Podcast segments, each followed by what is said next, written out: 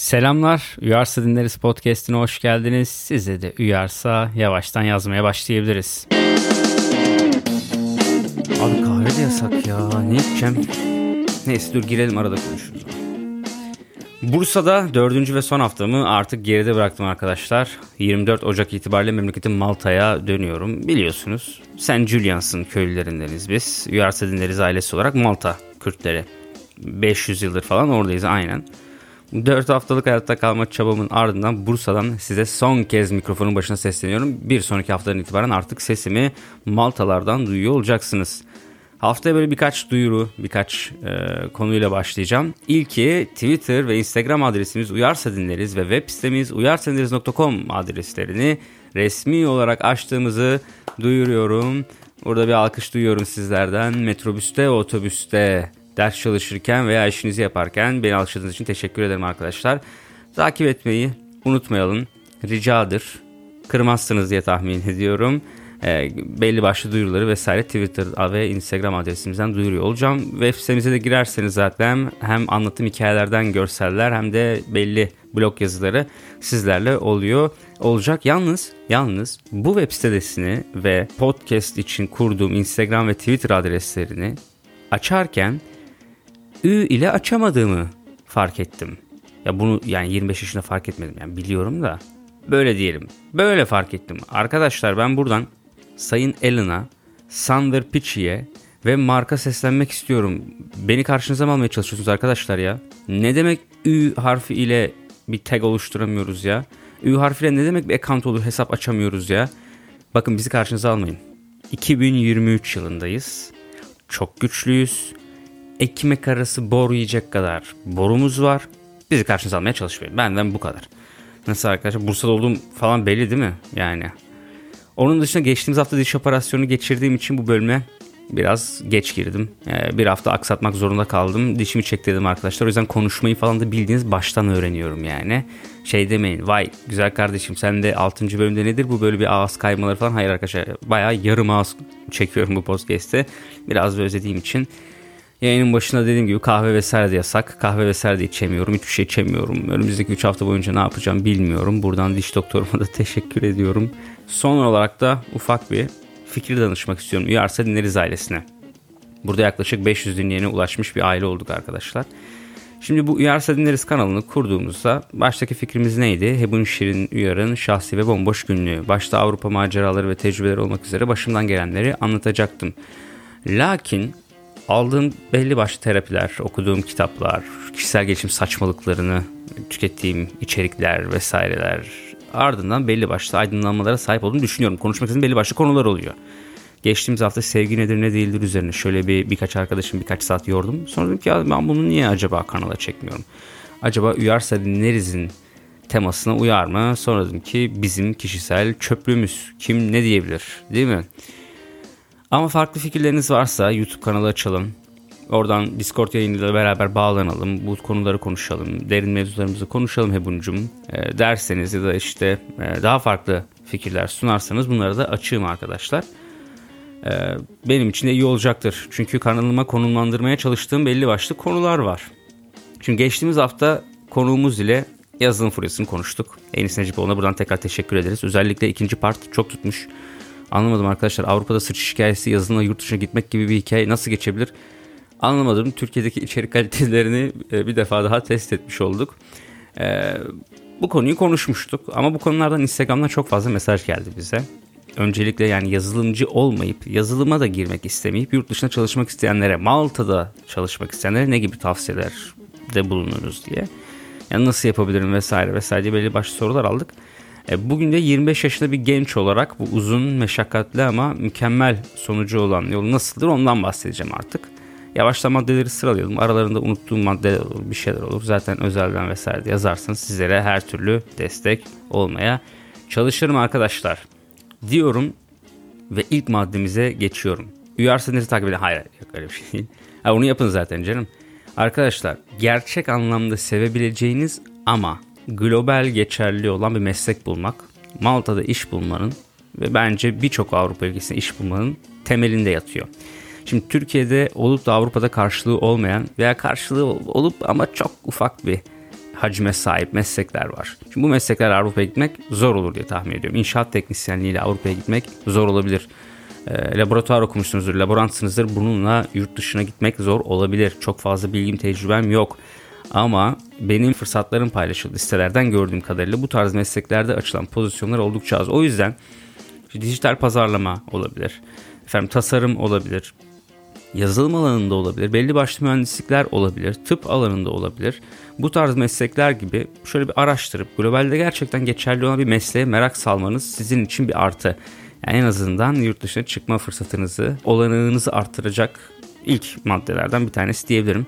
Ben şahsen inşaat mühendisi olarak yurt dışına gidemeyeceğim. Üniversite 1'de iş arama sitelerine bakarken ya bu yurt dışında inşaat mühendisiyle acaba iş alımlar var mı diye bakarken fark ettim ki yok arkadaşlar yani civil engineering yani e, medeniyet mühendisliği üzerine çok fazla bir şey yoktu. Bu benim böyle ilk ahlarımdan biri olmuştu bu dijital pazarlama yoluna girerken. Bu önereceğim ilkidir. E, ikincisi zaten Malta'da biliyorsunuz iki resmi dilden bir tanesi İngilizce. Bu yüzden İngilizcenizi kesinlikle halletmeniz gerekiyor zaten. E, belli başlı ülkeler kendi ana dillerini talep edebiliyorlar. Mesela Almanya'da B2 seviyesinde Almanca isteyebilirler. Fransa'da Fransızca B1 seviyesinde dil isteyebilirler ama Malta gibi zaten resmi dil İngilizce olan bir ülkede Maltaca diye bir dil aranan şartlar ve kriterler arasında değil. Zaten popülasyonun yüzde yaklaşık 30'una yakın yabancılar oluşturuyor ve bu yüzde 30'luk yabancıların neredeyse hiçbir Maltaca konuşmuyor arkadaşlar. Tercih edilmesindeki ilk sebeplerden bir tanesi bu resmi dilin İngilizce olup iş fırsatlarında da aranan dilin %90 oranında yalnızca İngilizce olması. Ee, buradan başlayabilirsiniz. Şimdi burada da şu hataya çok düşülüyor. İlerleyen bölümlerde İngilizcemizi nasıl geliştiririz ilgili de belli başlı podcastlar çekeceğim de. Ya ben kursa gittim nokta nokta nokta İngilizce. Evet hocam. E ben B2'yim abi. E ya çok konuşamıyorum ya. Abi o B2'nin hiçbir anlamı yok. Öncelikle bizim Türkiye'deki dolandırıcı firmaların çoğunun yaptığı sana ben 4 kurs aldırıyorum, 3 de etüt, 2 de bilmem ne, 5 de gelinin annesi tarafından bilmem ne falan gibi kurslar işte kurs paketçikleri diyeyim vesaire oluşuyor. Ve orada size B2 olduğunuz dendiği zaman siz B2 olduğunuzu zannediyorsunuz. Öyle bir şey yok arkadaşlar. Her şey pratik, her şey konuşma.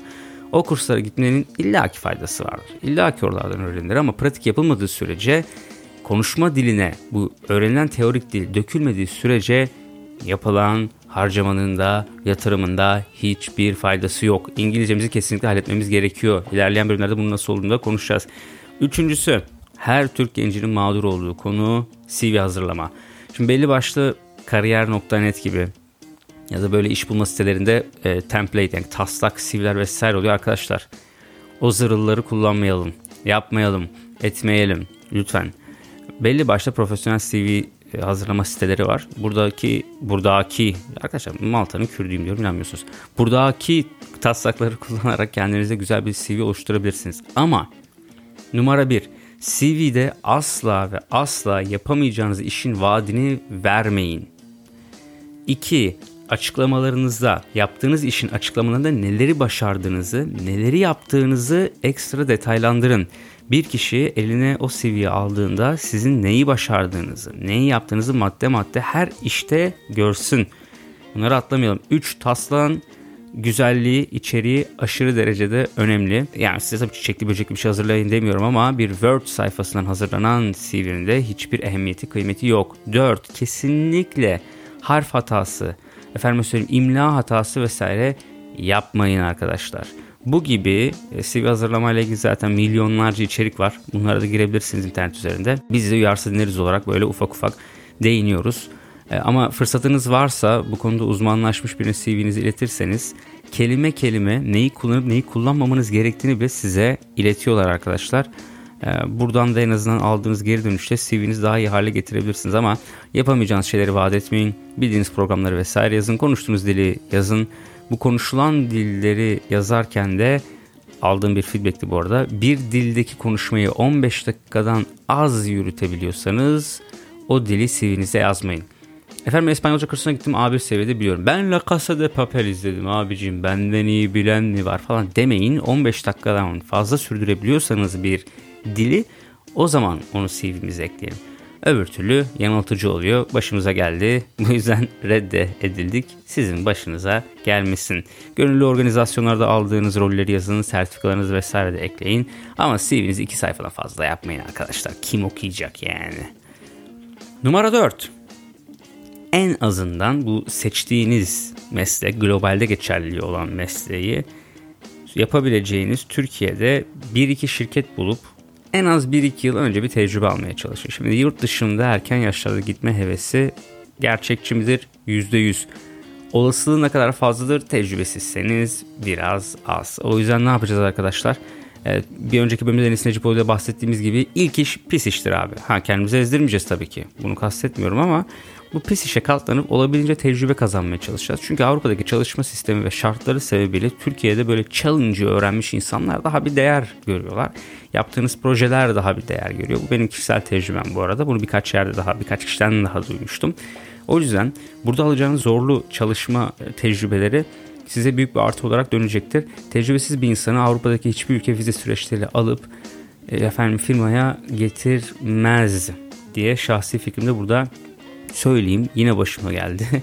Üniversite mezunu olur olmaz birkaç aylık dijital pazarlama tecrübemle yurt dışlarına başvurdum mu? Tabii ki de başvurdum arkadaşlar ama nasıl bir dönüş alıyordum derseniz offsite olmuyordu. O yüzden 1-2 yıllık şöyle ağır işlerde çalışmaya birazcık okuyalım, dişimizi sıkalım. Şimdi globalde de mesleğimizle ilgili 5 numara olarak trendleri takip etmemiz gerekiyor arkadaşlar. Hele böyle bizim gibi dijital işler falan yapıyorsanız yani takip etmemiz söz konusu bile değil. Hangi ülkede neler yapılıyor? Hangi şirketler neler yapmış bunları da bilmek zorundayız. Globaldeki trendleri takip etmek e, size mülakatta da sorulacak olan sorulardan bir tanesi olabilir. Girdiğiniz işe pozisyonu ülkeye göre değişiklik gösterecek tabii ki bu durum. Yani size örnek veriyorum ki yani kendi mesleğimden vereyim. Efendim Performance Max'e şu şu şu özellik gelmiş. Siz bunu daha önce kullanmış mıydınız dijital pazarlama dendiği zaman af buyur demeyelim arkadaşlar. Birazcık da olsa bu konuda tecrübe edilmiş veya tecrübeleri duymuş olalım. Şimdi ne yaptık? Şöyle güzel bir meslek edindik. İngilizcemizi geliştirdik. CV'mizi hazırlayıp Türkiye'deki başvurabileceğimiz işlere başvurduk ve 1-2 senelik tecrübe edindik. Okey. Globalde trendleri takip ediyoruz. İngilizce makaleler okumaya çalışıyoruz. İngilizce içerikleri takip etmeye çalışıyoruz. Kendimizi ve mesleğimizi İngilizce yayınlanan içeriklerde geliştirmeye dikkat ediyoruz. Ve 6 numara LinkedIn, Glassdoor, Upwork ve Indeed gibi sitelerde iş bulmanıza yarayacak olan kariyer sitelerinde, profesyonel sitelerde hemen şöyle güzel bir profil oluşturuyoruz. Burada arkadaşlar ya profilimi nasıl oluşturacağım falan demeyin. Bu soruyu herkes sordu. Bin farklı kişiye sorduk. Birinden de aynı cevap aldık. Arkadaşlar kendi mesleğinizi icra eden profesyonelleri bulun. Girin bakın CV'lerini nasıl hazırlamışlar, nasıl hazırlamamışlar, LinkedIn'leri nasıl update etmişler, nasıl etmemişler. Şöyle bir gözden geçirin ve benzerini oluşturmaya çalışın. Gerekirse taslaklarını birebir kopyalayın ne olacak yani. LinkedIn'deki mantık CV ile aynıdır. Orada yapacağınız şey tamamıyla ne yaptığınızı açıklayıcı bir şekilde belirtmek ve tecrübenizi karşı tarafa, sizin hesabınıza bakan insanlara ispatlamaktır. E, bu sadece iş bulmak amacıyla vesaire değil, profesyonel kariyerinizde de bir dokümantasyon olsun. Geçmişte neler yaptığınızı siz de bilin, hatırlayın diye oluşturulan siteler aslında. Ama aynı zamanda buralardan da iş bulma süreci yurt dışına gitmek isteyen insanlar için vazgeçilmez bir olay. Ben kendi işimde LinkedIn üzerinden buldum. Bu yüzden size de bunu şiddetle tavsiye ediyorum. Başvurun, her yere başvurun, bol bol başvurun. O numaraya da geleceğiz. Arkadaşlar yaşınız genç ise diyelim ki yani siz bu ilk iş pis iştir olayından biraz daha kolay sıyrılarak gelmek istiyorsunuz yurt dışına ve yaşınız da genç. Gönüllü organizasyonlarla, dil okullarıyla vesaire yurt dışına gitmek de bir çözüm. Bunu yapan çok insan var diye artık Avrupa'dan çok fazla vize reddi gelebiliyor diye birkaç haber okumuştum. Yani bunlar da sebeplerinden bir tanesi diye. Gelenler geri dönmüyor vesaire diye. Ama varsa ekonomik gücünüz, enerjiniz, yapabileceğiniz ilk şeylerden bir tanesi Malta'ya dil okuluyla gelmek ve şöyle bir piyasaya kendinizi göz atmanız. Malta'daki dil okulları şöyle işe yarayacaktır. Şimdi dil okulları e, promosyon yapmıyorum bu arada isim vermeyeceğim o yüzden. E, yabancılarla dolu olduğu için arkadaşlar her ülkeden insanla dolu olduğu için dilinizi hakikaten geliştirebiliyorsunuz. Yani ve resmi dilim İngilizce olan bir ülke. O yüzden rahat edebiliyorsunuz. Bunda da bir problem olmuyor. Ve gelip piyasayı, pazarı görmenize de bir fırsattır bu. Yani Malta'da ne iş gider ne iş gitmesi kendi gözlerinizle görebilirsiniz. Yani ben örnek veriyorum ki maturoloji malzeme mühendisi Malta'da ne iş yapar fırsatı nedir bilmem. Ama siz gelip burada bir dil okuluyla geldiğinizde veya biraz uzun süreli turistik olarak geldiğinizde şirketlere gidebilirsiniz, görüşebilirsiniz. Onlar open door policy'ler arkadaşlar. Açık kapı politikası normalde sadece CEO level'lar için kullanılabilen bir şey ama ben burada da kullandım. Kardeşim benim çöplüğüm. Open Door Policy kullanırlar. Bu sebeple girip kendiniz baya baya e, bu şirketlere görüşmeye başlayabilirsiniz. Diğer ve son maddemiz arkadaşlar la havle ve kuvvet deyip başvuruları yardırmak. Size ilk bölümlerde de bahsettiğim 32 yere başvurdum 30'una red yedim dediğim süreç benim aslında iş başvurularındaki son çeyrekteki sonuçlarım arkadaşlar. Ondan bir yıl önce de başvurdum redler yedim. Ondan iki yıl önce de başvurdum redler yedim vesaire vesaire. Burada pes etmeden hangi şirketin neye ne kadar aciliyette ihtiyacı olduğunu bilmediğimiz için başvurularımızı sonuna kadar dibine kadar götürmemiz gerekiyor. Çok fazla reddiyeceğiz, çok fazla moralimiz bozulacak. Yalnız burada yapılan yanlışlardan en temeli yurt dışına gitmiş olmak için gitmek. Çıkmış olmak için çıkmak. Amacına ulaşırken her türlü şirketin her türlü koşullarını kabul etmek. Bu büyük yanlışlardan bir tanesi arkadaşlar. Yani hangi koşulda gideceğiniz gerçekten önemli. Ya tabii ki kimse size e, çok iyi şartlar sunmayacak. Günün sonunda siz expat olarak geliyorsunuz. Yani şirket sizin vize süreçlerinizi vesaire karşılıyor ve siz daha yeni bir iki senelik tecrübesi olan bir gençsiniz. Burada aşırı iyi şeyler de beklemeye gerek yok. Ama hayatınızı güzelce idame ettirebileceğiniz, güzel bir hayata sahip olabileceğiniz maaş ve koşullar ve çalışma şartlarıyla yurt dışına gitmek çok kritik. Diğer konu da hangi ülkeyi seçeceksiniz? Hmm. Abi Avrupa'ya gideriz ya sonra gideriz demeyin arkadaşlar. Başvuruların ilk yıllarında kuzey ülkelerine deliler gibi başvurup sonrasında bir ex kız arkadaşım hangi kız arkadaşımdı? Ha okey okey hatırladım hangisi olduğunu.